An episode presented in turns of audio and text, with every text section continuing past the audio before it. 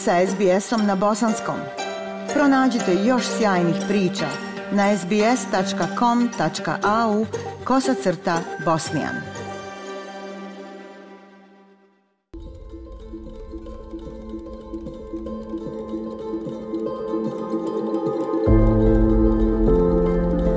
Slušate SBS program na Bosanskom.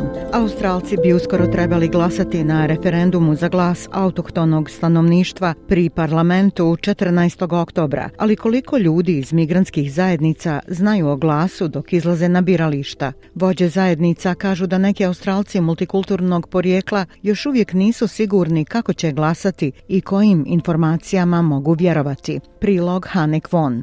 Sa nešto više od nedjelju dana dok Australci ne izađu na glasanje, mnogi ljudi, uključujući i one migrantskog porijekla, tek treba da se odluče. Prijevremeno glasanje je počelo, ali Australci će zvanično izaći do glasačkih kutija 14. oktobra. Prethodno ispitivanje javnog mnjenja koje je proveo Resolve Strategic u ime Nine Newspapers pokazuje da je 18% glasača različitog etničkog porijekla još uvijek neodlučno.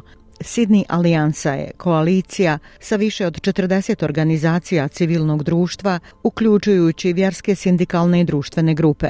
Chantel Ogilvy Ellis je jedna od rukovodilaca. Ona kaže da veliki dio neodlučnosti među migrantskim zajednicama dolazi zbog nedostatka sigurnosti u informacije koje primaju whether that's on social media or things passed on to Bilo to na društvenim mrežama ili informacija koje su im prenijeli drugi ili čak stvari koje čitaju u medijima, oni nisu sigurni u izvore informacija i da li im mogu vjerovati. Ovaj nedostatak povjerenja pomogao je u širenju dezinformacija na društvenim mrežama, bilo da su to botovi, trolovi, neonacisti ili lažni profili. Aplikacije društvenih medija kao što je TikTok bile su preplavljene sadržajem o glasu i službene kampanje da i ne koriste platformu kako bi privukle glasače. Također je odigrao veliku ulogu u sloganu kampanje ne koji glasi ako ne znate glasajte protiv. I to je poruka koju vodi kampanja No i vođa opozicije Peter Dutton nastoji da iskoristi. Problem is that for people like Anthony Albanese and Linda Burney Uh,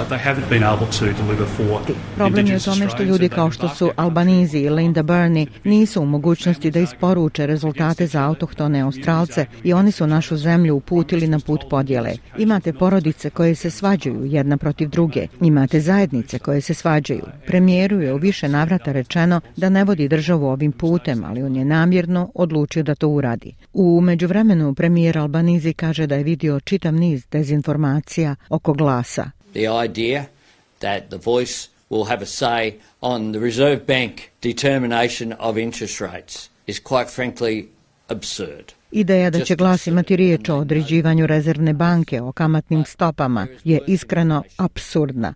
I oni znaju da je tako, ali na nekim društvenim mrežama ima i gorih informacija o svjetskim zavjerama, da će Ujedinjeni narodi kontrolisati svu zemlju u Australiji, svu zemlju. Izgubit će se privatno vlasništvo nad svačim domom sa glasanjem za. To je jednostavno absurdno. Nedavna anketa Essential Research pokazala je da stav protiv trenutno vodi 49% prema 43% za glas za, sužavajući se sa prethodnih 51% protiv i 41% za. Dr. Shirin Morris predaje ustavno pravo na univerzitetu Macquarie, bivša je kandidatkinja Savezne laborističke stranke. Ona kaže da je važno ne komplikovati problem previše. It's a yes, no question. Pitanje je da ili ne. Da li da kažemo da priznavanju autohtonih naroda u Ustavu iz kojeg su oni ranije bili isključeni kroz davanje savjetodavnog glasa u zakonima i politikama koje se na njih odnose. Dakle, samo sposobnost starosjedilačkog naroda da daju savjete kada vlada i parlament donose odluke koje utiču na njihove zajednice. I to je sve ovo. Zaista je važno da se činjenične i tačne informacije izvuku tamo, da se radi samo o priznavanju putem savjetodavnog glasa. Chantel Ogilvy Ellis iz Sydney Alliances je među onima koji žele ispraviti širenje dezinformacija među multikulturalnim zajednicama. Ona kaže da je ključni dio toga rad s lokalnim liderima na započinjanju razgovora o glasu.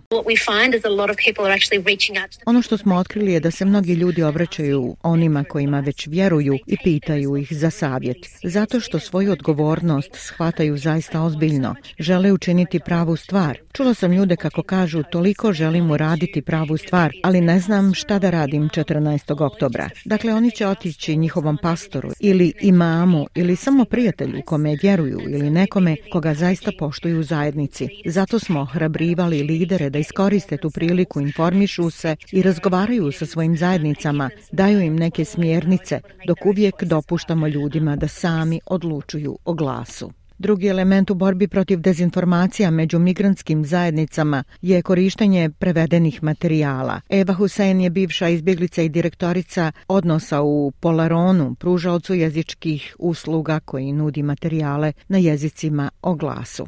Ona kaže da je njen tim brzo shvatio da multikulturalne zajednice u Australiji imaju vrlo malo informacija. Uh, dakle, sa organizacijom pod nazivom Život bez barijera, koja je financirala projekat, preveli smo brojne dostupne resurse.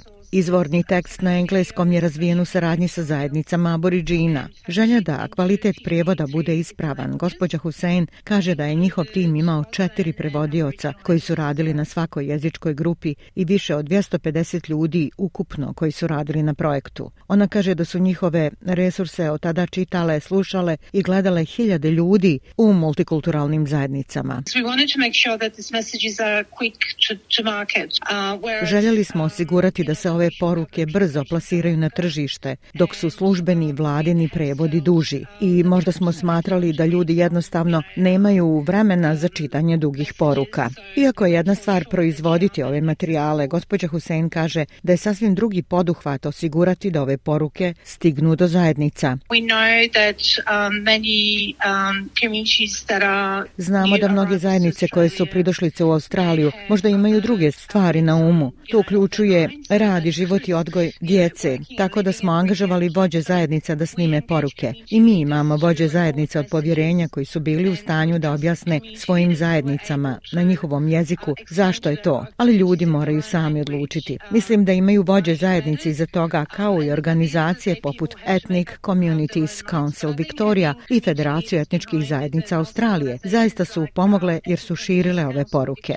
Više od 180 organizacija etničkih i kulturnih međunarodnih zajednica potpisalo je zajedničku rezoluciju koja podržava kampanju Yes. Među njima i vijeće etničkih zajednica Viktorije, koje se u posljednja tri mjeseca angažuje sa multikulturalnim zajednicama oko referenduma kako bi dijelio informacije na jeziku. Mo El Rafihi je izvršni direktor vijeća etničkih zajednica Viktorije i kaže da je dobro prihvaćen.